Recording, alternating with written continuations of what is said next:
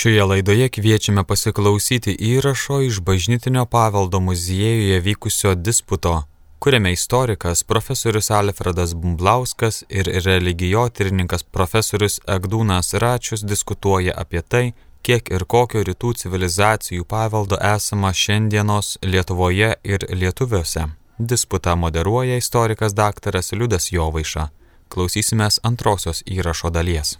Norėtųsi šiek tiek plačiau pakalbėti apie rytus vakaruose, ar rytus bent jau Lietuvoje. Ta rytų įtaka ir rytų paveldas turbūt yra kur kas platesnis, tai apie jį ir norėtųsi šiandien pasišnekėti. Nu, aš tik tai norėčiau pasakyti, man vis tiek trukdo priimti turkų barabanai Petro Povilo bažnyčiai, kurie aiškiai padudenk ir suskambės taip, kad tie mūšiai galingieji. Pirmas hotynas, antras hotynas, viena bus mūsų istorijos dalis ir aš nežinau, kaip šitame kontekste pažiūrėti turkus. Nu, tai yra krikščionybės, Lenkija, Vengrija, Lietuva yra krikščionybės forpostai. Bet jau prieš turkus tikrai. O prieš Maskvą tai bandė ir šitą pranešti. Jau po, po oršos kautinių turbūt kai vyko į 1515 metų uh, imperijos suvažiavimą į Vieną. Tai jau norėjau pranešti, su kuo mes kariaujam. Schizmatikai yra blogis, kaip ir musulmonai. Tai tas eina jau nuo žalgerio mūšio. Juk visos tos paskviliai tie prie žalgeris, kad yra laimėtas neteisingai ir jį reikia kaip krepšinį perlošti, svetimoje aikštelėje ar kokio nors neutralioje aikštelėje tą vokiečiai bando platinti. Ir aš kartais galvoju, kad Vytautas ir atsakė su jo gaila į šitą. Aha, jūs norite sakyti, kad pagonis buvo. Tai tekit žemaičių delegacijai, kurie sako, mes jokie pagonis, mes norime vis laik krikštytis. Jeigu jūs sakot, kad musulmonai, o iš tikrųjų Lugošas po to mažina tą skaičių, mano, visi dabar taip rimtai sako, kad negalėjo būti Dželaladinas su dviem, šim, trim šimtais. Turėjo apie 2-3 tūkstančius būti. Tai rimta pajėga jau. Trečia turėjo būti stovykla Žalgiryje tų totorių, kurios valdo Vytautas. Mes atradom tą tieginką, kur su ukrainiečiais istorikais pagalvojom, kad tai yra toks Vytauto įkurta stovyklavimo aikštė, nu, milžiniškas piliakalnis, kur yra totoriam, kurie atsikelia iš Dniepro pusės, peržiemoja, o po to per juos Vytautas valdo į, veiklas Auksordos pusėje ir Krymą. Tai va, tai mes tą turim, tą priešiškumą turim jau kažkokį nuo Dunojaus laikų. Iš kur tas Dunojus atsiradęs, man atrodo, kad Dunojėlis yra lietuvių pergalių aidas. Kažkokių tai. Nu, nujojo į Dunojų, nors jie pavėlavo į vieną, kaip žinia, dviem savaitėm vėliau. Į Krokovą net nuvyko. Ką jie ten darė, nesuprantu. Pykosi pats su, su Sovieskiu. Na va, tai šitos tokios tos turkų kovos lieka tokius, bet yra kitas, kuris paremė šitą. Vis dėlto Vytauto totoriai meldžiasi Vytautui, turbūt kaip ir Šapšalui.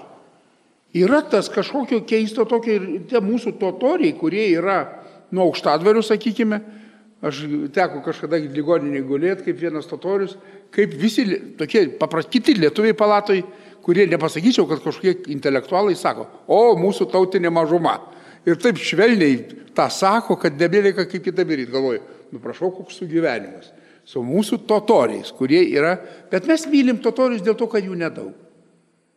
Jų kiek, keli tūkstančiai, septyni gal pagal surašymą. Atik nėra pagal, na jau dabar naujo surašymo duomenų dar neturime, bet pagal praėjusią surašymą Aha. buvo 3200, e, iš kurių 1600 buvo musulmonai. Tai pusė buvo musulmonai, pusė nebuvo. A, nu, aš. Nu, bet dar mažiau pavojingi yra karaimai, kurie galėtų sakyti tikras variantas. Jų 300, kiek žinau. Tai va, tai mes turim tokią jaukę istoriją su gyvenimo, turime prieštatos istoriją.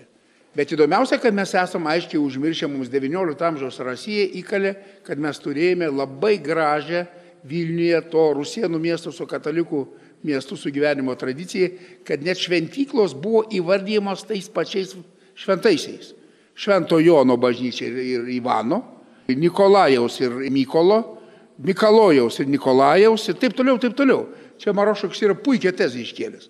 Tai kai aš tą pasakiau, pakartojau, tai Henrikas Amžinatelis Samsonis sakė, jūs žiūrėkit, Lietuva paneigė Huntingtoną. Reiškia, mes sugebėjom sugyventi. Toje erdvėje, toje konfesinėje, ta bažnyčių unija, ji tarsi buvo išeitis tam. Juk po to konfliktų tarsi dizunitai, aišku, kėlė skandalą. Bet šiaip atrodo, mes galim sakyti, kad graikai katalikai privertė suklysti suklyst Huntingtoną.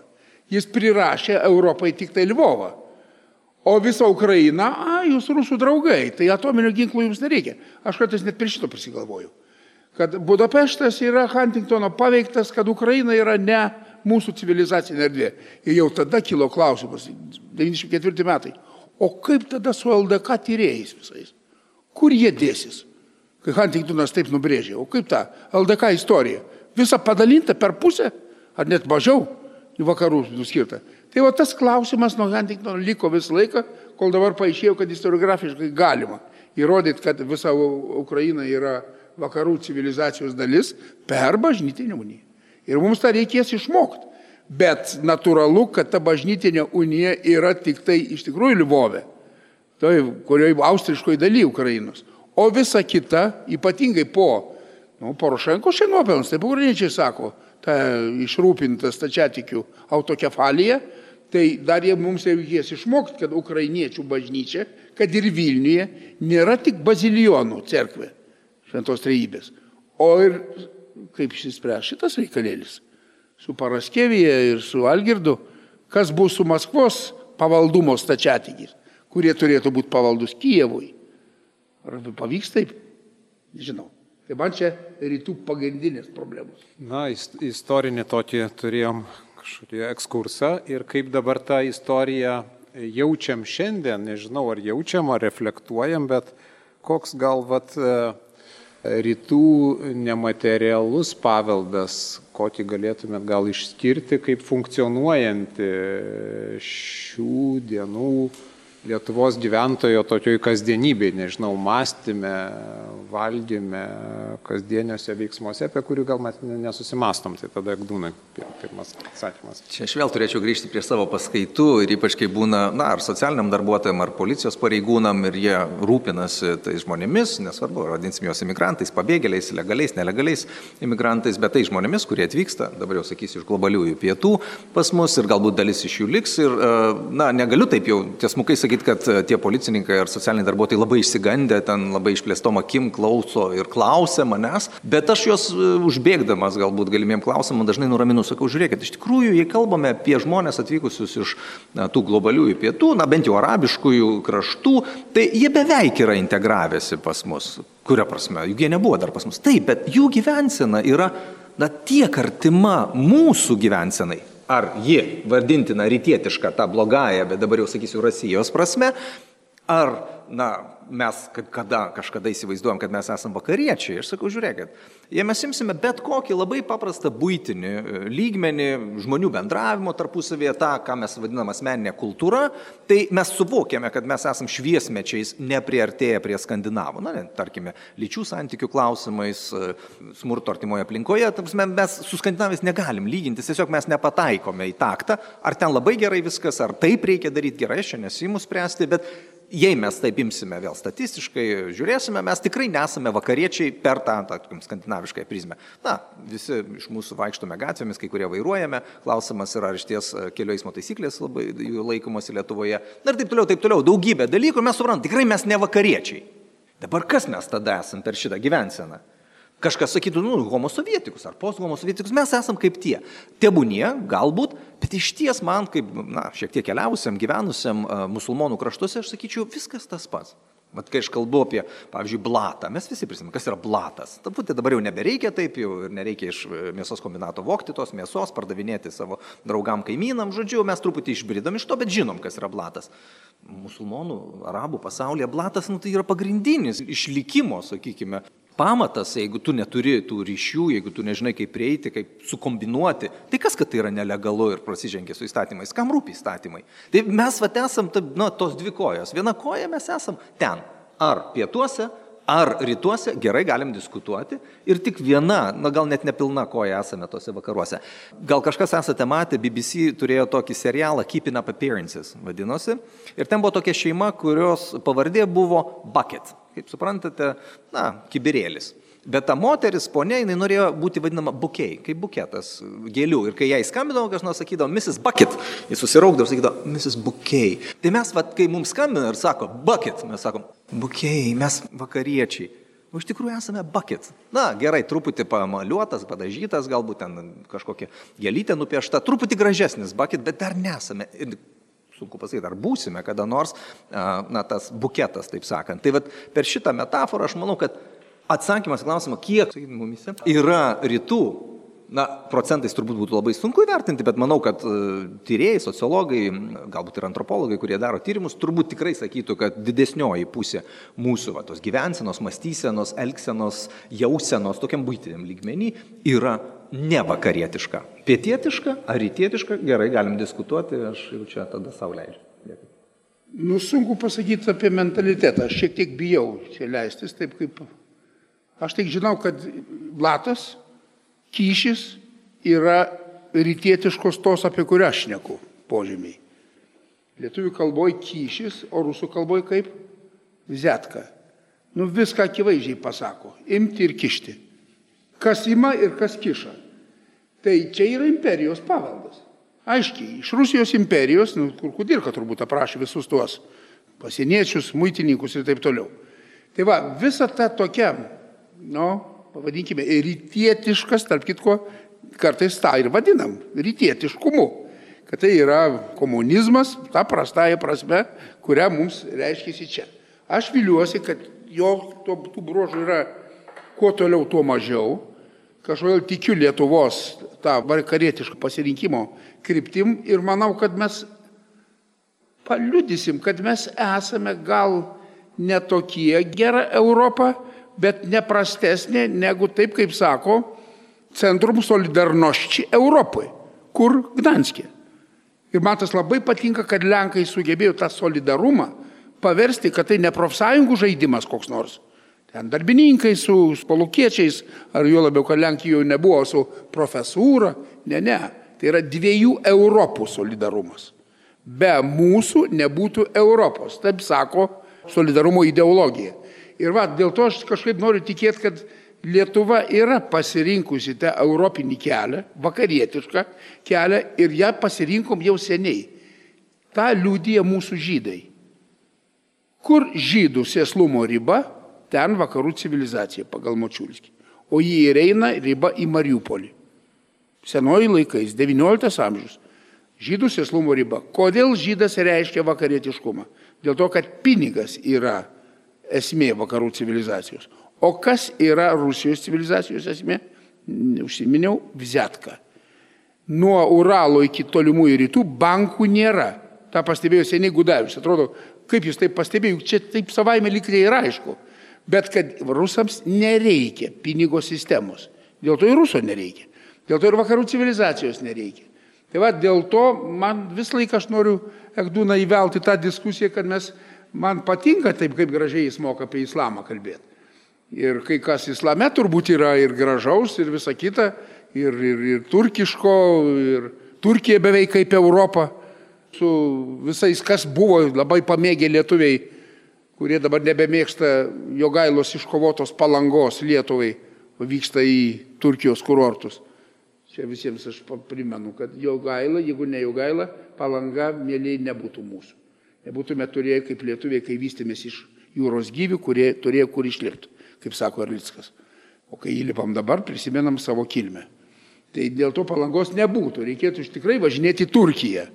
Tai viskas ten yra gražu, ypatingai jeigu švelnu, bet jau savo blatu išsidavė jėgdūnai. Kad tai yra rytietiški kraštai ir aš manyčiau, kad nuo to rytietiškumo, nu, turbūt Pritarsiu turbūt tam Vaitfogeliui ir Gudavičiui šiuo atveju. Japonija nerytai. Va ir viskas. Japonija yra tato ryžių laukas ir ryžių pjautuvas. Tai yra europietiškos alodinės sistemos kažkokia keista atmaina. Ir japonai turi herbus, kas man labai patinka. Jie yra individai, jie yra samurajai, Kurosava seniai įėjo į vakarų kino olimpą ir taip toliau. Nu, žodžiu, daug galim štai šnekėti, man patinka rytai, ypatingai, kai jie yra japoniški. Aš matyt, reaguodamas dar galėčiau pasakyti, kad iš ties, jeigu sakome, kiek dabartyje Lietuvoje yra rytų, kurių rytų, tai Čia matyt reikėtų e, priminti, kad e, per pastarosius 30 metų tų tolimųjų rytų pas mus randasi jau labai daug, kažkas sakytų globaliųjų tolimųjų rytų, nesvarbu, ar ten K-popas ar kažkas tokio, kas nėra, na, gal iš Korejos kilo, bet nėra taip jau labai siaurai korejietiška arba nebėra taip, bet yra ir tie dalykai, na, dvasiniai vadinkime, tos įvairios grupės, e, pradedant na, meditatyviniam kažkokiam gyvensenų iki tų religinių ir va čia šiandien kaip tik taip man sutampa, kaip į šitą einu kompleksą, vis va, tie linksmi žmonės su tais bugneliais ir varpeliais pilies gatvė lipa aukštyn. Taip, na, praskaidrina ir jų spalvos, šviesos, na, kažkaip irgi gražiai apsirengė. Tai, bet Pavienių gal tokių žmonių mes turėjome, tebūnie, bet Tarybų sąjungos laikais, aišku, tas buvo labai sudėtinga matyti jiems net viešumoje reikštis, dabar mes to turim. Tai mes va tų kitų rytų, ne musulmoniškų, jeigu norite, iš ties po truputį gauname ir, kaip Liudas sakė, maitinimus, na, galbūt yra žmonių, kurie nemėgsta, nesvarbu, tai, reiškia, tailandietiško, vietnamietiško kažkokio maisto, bet jo jau yra ir mes jau, jau paragaujame. Tai Bet čia turbūt jau truputį kitas dalykas yra e, tas globalėjimas, toks su, suvokimo tos įvairovės ir kažkas gali patikti, kažkas gali nepatikti. Vieniems mangas, mangos patinka, kitiems ne. Ne mangai vaisiai, bet e, kalbame apie literatūros žanrą turbūt. Tai to mes turime ir čia jau pasirinkimai, bet mes tada jau kalbame apie, na vėlgi, vartotojiškos visuomenės pasirinkimus. Mes taip selektyviai, sakau, man patinka kurasavo, gerai, fine, o man patinka ir tada man tas tautas, fine, viskas labai gerai individualiam lygmenį, bet aš vis dėlto kalbėjau apie tokį bendresnį jausmą, tada, kai sakiau, tą, tą, sakysim, integruoti. Kaip reikėtų integruoti Japoną Lietuvoje? O baisu. Jis žmogus, nu, jis nesuvokė, kaip čia veikia, nes nu, mes neveikiam tais principais. Kaip jeigu, nu, kanklik nu, gerai, kanklės tebūnie. Aš visą laiką juokauju, kai kalbam irgi apie integracijos programas, aš klausiu, o ką ten moko? Ar moko tų, tos žmonės šokti kepurinę, klumpakojį? Nu, čia lietuvių liaudis, jie turi išmokti, aš tai nemoku, neįsivaizduoju, kaip tą dalyką reikia daryti, bet, nu, jie nori integruotis į Lietuvą, turi mokėti, nu, tos, nu, ne? A, nu tai, nu, tai, o tai kas tada integruos Lietuvą? Nes skaičiau šiandien parašyta buvo, kad e, vaikai tie tų nelegaliai atvykusių asmenų dabar yra mokomi Lietuvos istorijos. Aš čia padėsiu tritaškį, bet jūs turbūt suprantate. Ką tai reiškia? taip, taip. Tragedija, aišku, sunkiai įsivaizduoju. Kaip su akademikų gerbimu koncepcija galima nueiti iki Lietuvos Lenkų mokyklų. Ujujujujui. Čia karą galima sukelti Liublino Ostrogiškio brigadai, kur trys kariškiai, trijų tautų, kaip jie susišneka, kol kas sunkiai įsivaizduoju kaip mes sakom, tupi Lenkas už kalniukų, žyvakis kaip velniuko. Tai sunkiai. Tai, bet aš noriu ką pridurti. Nu, vienai par kitaip tie rytai, jie, kai Liudas paklausė apie, kad ir tą kulinariją, nu, mes turim tą rytietišką tradiciją. Ir čia yra, kad kažkodėl mes nekėlėm taip klausimų, kaip mes dabar čia šnekam. Balandėliai tie patys, tartaras tas pats, šaltibaršiai, lietuvių numylėtieji. Taigi sadziki yra atmaina. Ta kulinarams viskas aišku yra. Per graikišką krikščionybę. Aš manyčiau, kad dabar karo atžvilgių reikia visiems lietuviams uždrausti gert vodkę. Tai yra rusų gėrimas. Mendelėjevo. O reikia prisiminti Harilką. Dar būtų geriau, kad būtų jį ukrainietiška. Nors jį aiškiai irgi vodkės atvaina. Čia nieko nepadarysi. Bet vienai par kitaip, ta horilka, ji yra, man atrodo, galima spėti, kad rasta yra unitų bazilionų vienolynuose, kaip rektifikacija ir vynogynų pervedimas ant javų kulto. Ir dėl to aš tą pasakiau Lvovė, tai tapau vos ne herojum. Kad pasakiau, kad Maskva nuvogė iš jūsų horilką ir paskelbė vodką. Tai mes tų bendrumų turbūt turim daugiau. Aš pasidžiaugiu, kad ukrainiečių kalboje yra lošina, kump ir skilont senoji metrikos kalboje. Lašiniai, skilandis ir kumpis. Tai vadinasi užkanda mūsų o jau visa kita turbūt ukrainiečių, bet jau aš nuklydau. Tai bet kuriuo atveju noriu pasakyti, kad mes daug ko čia neišmanom. Daug ko mes patyrėm 19 amžiaus Rusijos istoriografiją taip, kaip Putinai išmokė. Putinas nieko naujo nepasako. Man atrodo, pas Karamziną viskas tas yra. kad yra ta vienas Kievas, trys tautos, viskas čia taip ir už viską paslėpė. Paslėpė, kad tas LDK paveldas, jis yra nu, nuvoktas. O tada ruskąją banę. Nu iš kieno ruskąją? Jeigu jūs banę turite iš Ukrainos ir Baltarusijos. Tai ne ruskąją banę. Lygiai tas pats turbūt yra ne ruskąją vodką. Lenkai pralaimėjo ginčą, nežinau kaip jie ginčijosi 78 metais, Geriauko laikais, kad nu, prarado teisę į vodkos pavadinimą. Tai nu, daug čia tokių dalykų yra, kurių mes turime kažkaip tą Rusijos historiografijos poveikį visais būdais kažkaip permastyti. O to permastymo mažoka. Ir dėl to mums tas Rusijos toks palikimas, paveldas yra man didesnis negu rytietiškas, tas toks, apie kurį Agdūna šneka. Mes rusiško paveldo turim per daug ir neapmastę esam. Grinai sakau, kodėl spalio revoliucijos nebemylim, nebegerbėm, ne? Landsbergis net barėsi, kokia čia revoliucija, kažkas netyčia pasakė. Tai aš sakau, nu pridurkim kontrrevoliuciją su vasario revoliucija lyginant, bet apskritai paėmus istorijos mokykliniuose vadovėliuose, nu tebėra periodizacija, pirmas pasaulinis karas yra kažkodėl naujausių laikų pradžia. Nu kodėl? Kodėl ne prancūzų revoliucija, dar kokie nors. Tebėra va, toks įšalas. Čia man tie rytai.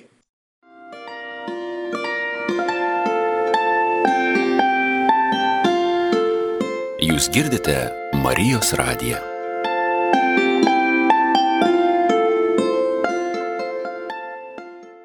Kitas toks klausimas būtų, kaip dabar tas paveldas yra priešingai reflektuojamas. Galbūt dažnai mes pat kalbėdami jo nesuvokiam ar, ar, ar valdydami nepastebim, bet kokia yra čia tada, kaip jums atrodo mūsų šiandienė kultūros e, politika ar kultūros paveldo politika, kiek joje tie rytai Lietuvos kultūroje yra, žinau, pakankamai reprezentuojami arba, nežinau, neproporcingai pabrėžiami ar, ar deramai įvertinti, kaip trumpai gal galėtumėt.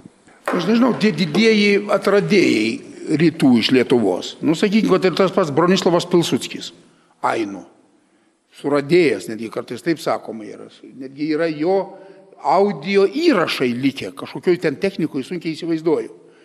Tai, tai įspūdingas orientalistinis variantas. Ten Šanio atradėjas, dabar užmiršau pavardę, kuris iš Kaunatavo. Arba Vitkevičius, Afganistano aprašytojas atradėjas. Tai mes tokių turim rytietiškai kietų žmonių. Jie kažkaip neįvesti į mūsų kultūros apyvartą. Kad mes buvom labai plačiai geografiškai užsimoję, mes nebuvom siaura, nu, žiūri erdvė, siaura žiūrinti. Tai va, dėl to man to trūksta, bet kuriuo atveju man į paveldinimo trūksta, į paminklinimo. Tokių dalykų, kurie yra, o jau nekalbu apie tai, kad turi mokinti žmonės, studentus, nu nueikit, pažiūrėkit, kuo skiriasi stačiatikių, graikų katalikų ir katalikų, pavyzdžiui, žegnonė. Kuo skiriasi, pavyzdžiui, sakykime, išpažinties paslaptis. Kaip mes galim tą nustatyti? Yra popas, turi raportuoti. Ar neturi? Turi. Maskvos stačiatikybei. Išpažinties paslapties nėra. Man Grigorijus Potašenko ten tik trenerių sako, o čia vadovėlinė paslaptis. Nu, kaip tai yra vadovėlinė tokia žinia. Nu, bet kur? Niekas jos nežino. Niekas nežino. Vakarų didėjai strategai, kurie teigia, kad Rusija reikia ne pat tapatinti su Balkanų šalimis, kurios turi va su gyvenimo, su, su islamu, kokia nors Makedonija ta pati, ar, ar Jotkalnyje gal, ar, ar Bosnija. Tai turi sugyvenimo, o su Maskvolyje nelabai. Man tas labai dėl to svarbu yra. Aš kažkaip vėl norėčiau graikus turėti Europoje, kurie ten jau ir yra, aišku. Va, bet savimoniai. O mes per mažai mastom. Mes per mažai mastom apie liturgijų skirtumą. Aš labai dažnai tikinčiuosius kreipiau pagal kokią lyginamąją katekizmą jūs melžiatės. Kuo geriau pas jūs? Kodėl biržų evangelikų bažnyčiai tiesiai moteriškė sako, sako, greitai rodykit man, kuo pas jūs geriau, nes kitaip nueisiu pas katalikus. Tai jis taip, kai ir rėžia man pamokslą. Grindis šluojanti moteriškė. Nu, kad aš išsižiojau ir visiems net pasakau, kaip įdomu, žmogus išmano reikalą. Man atrodo, kad inteligentijai ne visada pas mus su, suorientuoja, kur yra ta meka ar medina. Dėl to, dėl to ne, ne, nežinom, kaip, kaip šnekėti ir su totoriais. Nors totorių turime labai, man atrodo, puikių žmonių, puikių specialistų ir mes jau esam seniai sugyvenę, bet pasirodė piktoki. Islamistai ne, neseniai prie Diveniškių. Turėjom problemėlių. Nebežinau, kur jos dingo. Žodžiu, lietuvėlė staigiai įmurdoma yra kaip kačiukas į naujus daiktus, į Kinijos problemą. Žiūrėkit, kaip staigiai atėjo pas mus Taivanas. Į Kinijos didžioji problema. Kaip atėjo, nu, vat, islamas. Ir mes turėsime daug toliau, man atrodo, kad aš labai baruos ant septintos klasės programos istorijų mokusi Egipto faraonus. Nu, kam po perkūnais? Nu, bent jau pagryskit mintį, kad čia Europos ištakos, ar dar kaip nors. Nu, nereikia to Egipto, mokinkit ką nors iš to, kas šiandien dega. O dega Kinija, dega islamas. Tapo, mes Lietuva tampa pasaulio dalimi. Ir nori, nenori su jais turėsim gyventi. O dar geriau yra šitas pozityviai pabaigti pozityviais pavyzdžiais, kaip mes sugebėjom sugyventi ir kaip mes turime ką pasakyti. Net Europai šiuo atveju. Vilnius yra vienintelė sostinė ant dviejų konfesijų ribos. Jau tada. Rytai ir vakarai. Aš nežinau kito analogo. Aš tai sakyčiau, jeigu kalbame apie na, reflektavimą, vertinimą, puoselėjimą tų paveldo dalių, kurios, na, nėra tos mainstreaminės, sakykime, ne, ne, ne sakykime, vakarų katalikiškosios, bet tų kitų bendruomenių, tai man toks įspūdis yra, kad tai yra labai proginis tas toks apskritai atsigrėžimas. Žiūrėkit, praeitais metais turėjome, na tai buvo pandeminiai metai, bet turėjome Lietuvos totorių metus. Buvo priplanuota daug išplauti pinigų, vieniems duoti, kitiems duoti, kas apsukresnis gavo du kartus ir taip toliau. Žodžiu, viskas padaryta, kaip gražu. Bet jeigu, tarkime, mes paklaustume Lietuvos žmonių 19 metais apie ką jie žino apie Lietuvos totorius ir ką dabar žino po šitų žymiųjų, nežinau, kiek ten tų milijonų galiausiai buvo įsisavinta ar privatizuota, e, ką jie žino apie Lietuvos totorius. Ir greičiausiai mes vis tiek sakysim, kad na, tas procentas e, naudingumo labai menkas. Nes vis dėlto e, net tai, kas daroma, yra daroma arba atmestinai, arba, kaip sakau, taip, na, tiesiog priešokomis proginiai tokie dalykai, Tai e, to kitoniškumo, ar tai mes dabar jau, jeigu norim, galim vadinti rytietiškumo, nesvarbu, ar kalbėsime apie ortodoksus įvairių tų denominacijų, ar kalbėsime apie karaimus, totorius, ar net, reiškia, judaistus, tai mes matom, kad to mes turim labai mažai. Aišku, su žydais, tai, sakė, tai yra vakarai, tai čia prie vakarų reikia pridėti tebūnie, karaimus nebežinau, nes čia reformuoti žydai, kur juos dedame, bet tebūnie. Tai totorius, aišku, jau suprantam, kad ne, ne, neišeina prie vakarų, nes jau čia vinkšnupios ir buvo vakariausia, kurie sugebėjo pasistatyti mečetę, daugiau į vakarus jie nebepasislinko. Tai va, bet pati idėja, kad aš sakyčiau, kad mes turime šitą problemą, kad vidinio to paveldo mes, na, ne tai, kad visai nereflektuojam, buvo proginė moneta kažkokia ten išleista totoriam karaimam prisiminti, bet tai yra, na, niekingi dalykai, tokie smulkus ir neverti. Bet yra ir platesnė ta problema, ką Alfredas jau pasakė, kad mes apskritai pasaulio paveldo kaip tokio nereflektuojame ir arba susidedam į, reiškia, tų faraonų vardų ir jų meilužių iškalimą kontrolinį ilgainiui, arba nu, tada kažkaip vis tiek nejaučiame to nei praeities, nu, gal jis jau pulsų nebesivadintų, bet ypač dabarties to pulso ir pasaulio piliečiais per vartojimą šiek tiek mes tampame. Bet kad mes matytume tą pilnesnį vaizdą pasaulio įvairovės, ir na, tą santykį nusistatytume, na, pirmiausia, smalsu, po to tokį na, įvaldymo žinijos lygmenį, ne tai, kad valdymo kaip naujieji imperialistai, bet tiesiog, kad na, mes tų žinių turėtume, mes neturime. Aš galiu papasakoti, kad pabaigai jokinga situacija, nesakysiu, kurioje aukštoje mokykloje tai įvyko, bet pas mane tai įvyko, atėjo, pavadinkim, studentas, kuris pradėjo savo pasakojimą apie Iraką. Na, Sadamas Huseinas, Irakas, visi prisimename. Kažkuriu momentu atsiranda Jatula Homeini, lyg ir apie Iraną pradeda jis kalbėti, tada kalba lyg tai jau apie Iraną ir paskutiniai skaidriai jisai baigia. Tai va, va tokia ta šalis Irankas. Tai apie ką kalbame? Na, va, sintezė. Ir ką, Egdūnas čia taip pat priejo prie mano tokio paskutinio klausimo, trupučiuką užsiplėpėjom, tai po paskutinio klausimo auditorijos klausimai, tai iškart jo galite jau kontempliuoti. Kaip vis dėlto tas e, paskutinis bendras klausimas mano būtų, kiek tie rytai yra lietuviams pažįstami ar artimi, koks veikiau tas santykis su rytais buvo, ar yra, ar kaip jis istoriškai kito, ar rytai gali būti, ar yra tam tikros susižavėjimo ar kvėpimo šaltinis. Ir e, čia prieš, vat, jau e, duodamas žodį, dar porą pavyzdžių istorinių apie tą rytų pažinimą gal Lietuvoje. Vėlgi 18 amžius, 1726 metai, Radvilištis nakvyniai sustoja prancūzų garsus keliautojas Obridelė Motre, kuris keliavo daug po artimuosius rytus ir keliavo į Peterburgą ir grįždamas štai čia pateliui sustoja ir bendrauja su vietinės parapijos katalikų klebonu.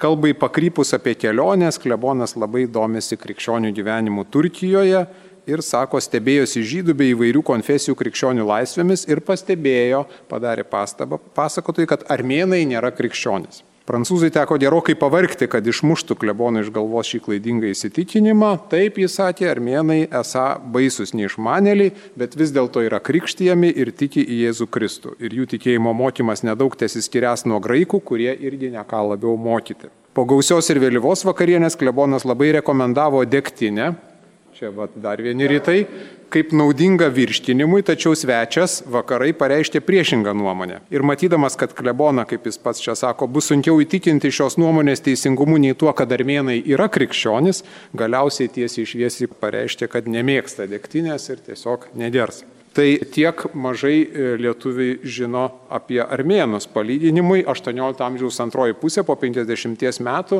Pranciškaus Paprotskio geografijos vadovėlėje štai jau yra žinių pateikiama apie armėnus. Armėnai turi patriarchą Ečmedzinę, pripažįsta pirmus tris visuotinius krikščionių susirinkimus, sako, neturi pagarbos šventiesiems atvaizdams, bet užtat labai gerbė kryžius, turi penkis sakramentus ir nepripažįsta skaistyklos, bet meldžiasi užmirusius.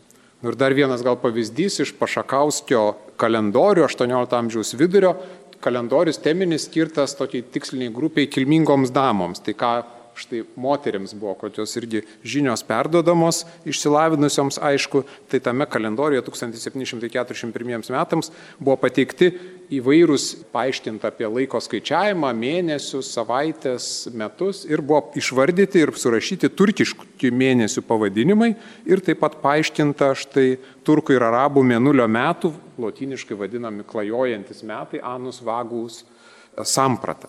Tai tam tikra prasme štai kažkaip mokėsi lietuviai kažkaip ar turėjo kažkiek vis sužinoti apie rytus. Tai e, nežinau, kaip ta situacija šių dienų perspektyvoje atrodo. Tai e, Alfredas jau paminėjo 7 klasės istorijos vadovėlis, bet mes pasižiūrėkime ir kitų klasių ir man sėki teko pasidomėti tuo paties islamo, kiek yra vadovėliuose, islamo kaip, na, religijos, sakykime, bet uh, musulmonų na, sociopolitinės raidos. Tai, kaip žinome, yra dviejose vadovėliuose. Viename yra vienas tas atvartas, du puslapiai, kitur yra jau du atvartai.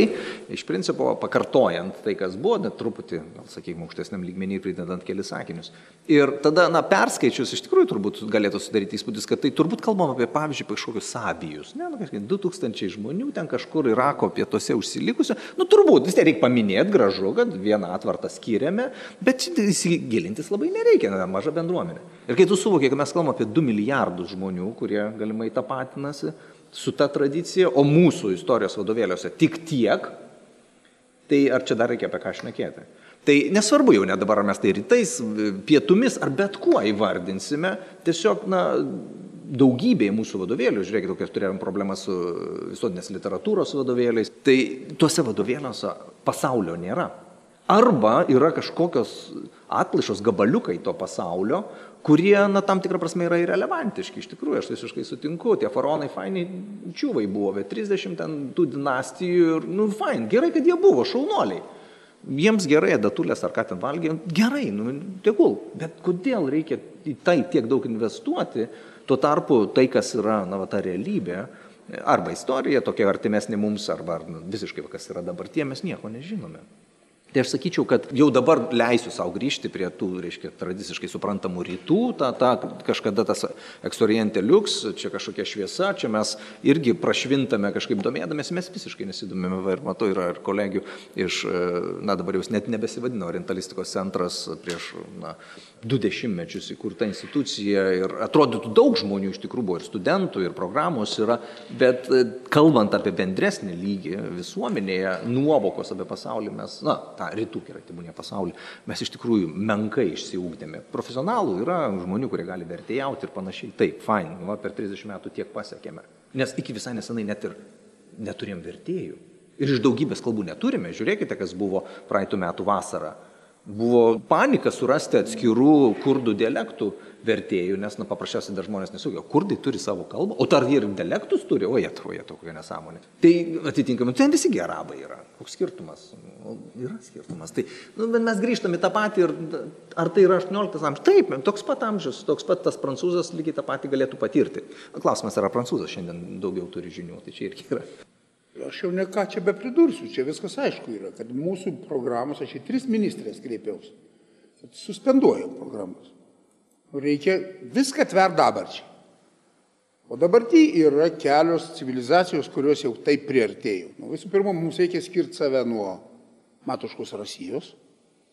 Ir čia, Hantiktonui ne visur pritariu, bet čia yra gerai brožus įsudėliojęs. Ko yra, kas yra vakaruose ir ko trūksta Rusijai. Rusijai trūksta iš aštuonių požymių, nu, turbūt reikia pridurti dviejų, jeigu stačiatikybė mes palaikysime, kad tai yra netokia stačiatikybė Europoje. Na va, tai Rusijoje nieko nėra, tai tada mums tą reikia kažkokiu būdu įrodyti, tie, kurie tebe svaičioja dėl Čecho ir Čaikovskio. Visų pirma, jie yra ukrainiečiai, mėlyjei, drįstu pasakyti tyčia, nes Čaika yra kazokųgi laivyno vienetas Čekovskio pavardė aiškiai yra iš, iš, iš Poltavos kazokų šeima, o Čechovas visur vadino save malorosais.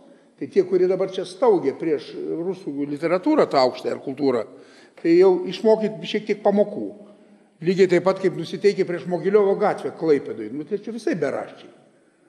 Nu, kaip kitaip pavadinti? Nu, Mogiliovas didingas Lietuvos didžiosios kunigaikštijos miestas nukonkuravęs Vilnių 16 amžiaus antroji pusėje. Henrikas Laumenskis specialią studiją tėškė, galingą. Lukašenka net atstatė Mogiliovę šitą rotušę. Nu ten šalia šklovas, matai. Tai čia viskas irgi aišku. Bet vienaip ar kitaip ta beraštystė pas mus tiesiog siutina. Nu va, ir dėl to man atrodo, kad reikia tą, kas vidurinė mokykla nieko netlieka to, ko reiktų. O reikia to, nu, kad dabar nueikite į, kad ir jūsų ta paroda, nu puikiai. Ten geografija tokia. Kas tie mogolai, aš vai garantuoju, kad milijonas klausimų buvo. Kuo čia Indija dėta? Kuo čia centrinė, vidurinė, artimieji rytai, vidurinė rytai? Ten ištisas geografinis, istorinis, civilizacinis kompleksas. Tai nebereikia daugiau nieko, tu tik tai pasakyk, iš kur tie ornamentai. Mes turime puikią pamoką, rytų, visuminę. Tai va tai kažkokių tokių, kad visuminis pasaulio tas suvokimas jis ateitų ir ateitų šitaip, kad mes suprastume, kas yra Ukraina, kas yra Rusija, kas yra Islamas, kas yra Kinija, kas yra Taivanas, nu, man kažkodėl tai, tai yra pats tas. Ir to nebesuspėsi, nepasakysi, kad mūsų ai šito nemokino dar. Nebereikės to jau pat. Mokintis ko nors, nes nebeliks subjektų PVZ Ukrainos. Bet jeigu Ukrainos neliks, tai neliks ir visų rytų mūsų problemos. Tai man taip atrodo. Tai bet čia per daug graudžiai baigiu, o vis tiek optimistiškai norėdamas baigti, vis tiek šiek tiek einam į priekį. Nu šiek tiek žiūrėkit, Leonos apiegos erdvė. Ane? Ką Leonas apiegas sakė? Mūsų kalba. Kokia? Trečio statuto kalba. Rytietiška. Na va, priejom prie to, kad e, štai Paroda ir yra tas e, vienas iš svarbių įrankių tai žiniai apie rytus ir, ir patrauklių ir netipiškų būdų ir manau reikia linkėti, kad ir toliau būtų išnaudojama taip pat ir tais e, didaktiniais e, tikslais sėkmingai ir tom formaliam ūkdymo procese ir šiaip ekskursijos Manau, kad susidomėjimo sulaukia pakankamai paroda ir, ir džiugu, kad veiks dar irgi to laiko turėsim iki rudens susipažinti giliau. Brangus Marijos radio klausytojai, šiandien klausėmės šioje laidoje įrašo iš bažnytinio paveldo muziejuje vykusio disputo, kuriame istorikas profesorius Alfredas Bumblauskas ir religijotrininkas profesorius Egdūnas Račius diskutavo apie tai, kiek ir kokio rytų civilizacijų paveldo esama šiandienos Lietuvoje ir lietuviuose. Disputą moderavo istorikas daktaras Liudas Jovaiša. Klausėmės antrosios įrašo dalies. Likite su Marijos radiju.